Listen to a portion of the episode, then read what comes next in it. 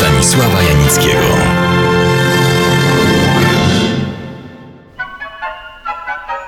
Za dawnych, coraz częściej zapominanych albo też wykoślawianych czasów, jedną z najpopularniejszych i najbardziej lubianych form muzyki rozrywkowej były chóry rewelersów. Dzisiaj entuzjaści przedwojennej muzyki, łatwo wpadającej w ucho, starają się tego typu zespoły wskrzesić. Czy jak im się to udaje, pozostawiam specjalistom tej branży, nie będę cię wymądrzał i to na wprawdzie pokrewnym, ale jednak obcym podwórku. Mimo to chciałbym dziś opowiedzieć o najsławniejszym w Polsce w latach dwudziestych i trzydziestych niemal wzorcowym chórze rewelersów, jakim był chór Dana – Upoważnia mnie do tego fakt, że chór ten występował wiele razy również na ekranie, w wielu naszych przebojowych filmach. Powiem zaraz, w takich jak innymi Dziesięciu z Pawiaka, Dzieje Grzechu, Biała Trucizna, Ułani, Ułani, Chłopcy Malowani, Wacuś, Dodek na froncie, Ja tu rządzę i tak dalej, i tak dalej. Ten chór rewelersów pojawiał się w tych i innych filmach, to znaczy śpiewał, ale czasami i występował, jak to się dziś mówi, na wizji, czyli na ekranie, i to zarówno w dramatach patriotycznych, obyczajowych, nawet skandalizujących, wszak taką była powieść Żeromskiego Dzieje Grzechu i film na jej podstawie zrealizowany, jak i w komediach wszelakich, od niezbyt wybrednych, typu parady rezerwistów, ach, ten rozkoszny komizm koszarowy, także w absurdalno-akcyjnych, dodek na froncie, po subtelniejsze, zabarwione krztyną autentycznego liryzmu. Ja tu rządzę. I dopiero teraz zreflektowałem się, że nie powiedziałem skąd w ogóle wzięli się rewelersi. Ten chór Dana.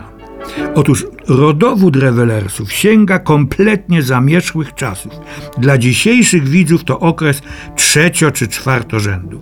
Pierwszym zespołem tego typu był Edison Mail Quartet. Zaistniał on w tym samym momencie, kiedy rodził się, uwaga, bo to historyczne wydarzenie, przemysł fonograficzny, gdzie, no oczywiście w Stanach Zjednoczonych Ameryki Północnej. Po sześciu latach powstał nowy zespół, a po nim następny, a po nim najgłośniejszy w roku 1917, już bardzo sławny o nazwie Shannon Four.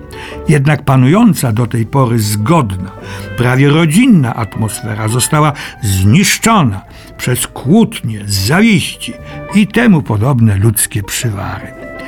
Na gruzach poprzednich zespołów powstała w 1925 roku grupa, którą jej członkowie nazwali, jak to podkreśla się w opracowaniach historycznych, The Revelers, co wszystkie miarodajne słowniki określają jednogłośnie i jednoznacznie jako hulaki. I tak zaczęły powstawać cztero-pięcioosobowe chóry, występujące samodzielnie, ale też służące innym muzom, choćby dziesiąty. Odeon Stanisława Janickiego w RMF Classic. W Europie pojawili się rewelersi pod koniec lat dwudziestych. Zapowiadano ich w inseratach, czyli anonsach, reklamach tak. Młodzi, zdolni ludzie, którzy wstają późnym popołudniem umieją nosić frak i smoking, ale nie wyglądają w nich jak manekiny. Mają poczucie humoru, które jednak rzadko absorbuje policja. Do tego śpiewając, nie fałszują zbytnio. A Dariusz Michalski, absolutny znawca przedmiotu, dodaje, czytali nuty Awista, dla klasyków mieli szacunek umiarkowany, jeśli trzeba, potrafili coś skomponować, Filmografię zaś Seneta, Czeplina, Kitona i braci Marx znali od A do Z. I do tego muzycznego klubu, śpiewających grupowo, dołączył chór Dana. Nie tylko zresztą on, także chór Warsa, mistrza wszechwag przedwojennej muzyki filmowej, chór Eriana czy Juranda, ale najsławniejszy był chór Dana. Na chwilę wybiegnę w przód.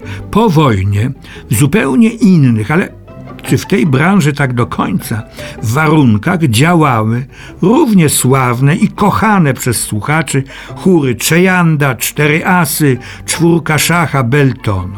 Sam wywijałem w czasie studiów w Warszawie Chołupce na Placu Konstytucji, kiedy grała orkiestra Cajmera i śpiewał chór Czejanda. Ech, łza się w oku kręci. Jestem ciekaw, czy łza się w oku kręcić będzie dzisiejszym młodym, kiedy za lat wiele usłyszą swoje melodie. Wracam do tematu. Jeszcze tylko przypomnę, że chóry rewelersów w wydaniu damskim, czyli rewelersek, pojawiły się u nas na ekranie tuż po wojnie, między innymi w komediach takich jak Skarb czy Irena do domu.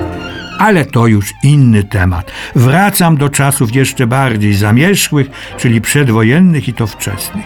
Po raz pierwszy zaprezentował się chór Dana na ekranie w filmie Niebezpieczny romans z roku 1930, czyli u zarania polskiego filmu dźwiękowego. Film był adaptacją głośnej kiedyś powieści Andrzeja Struga Fortuna kasjera Śpiewankiewicza.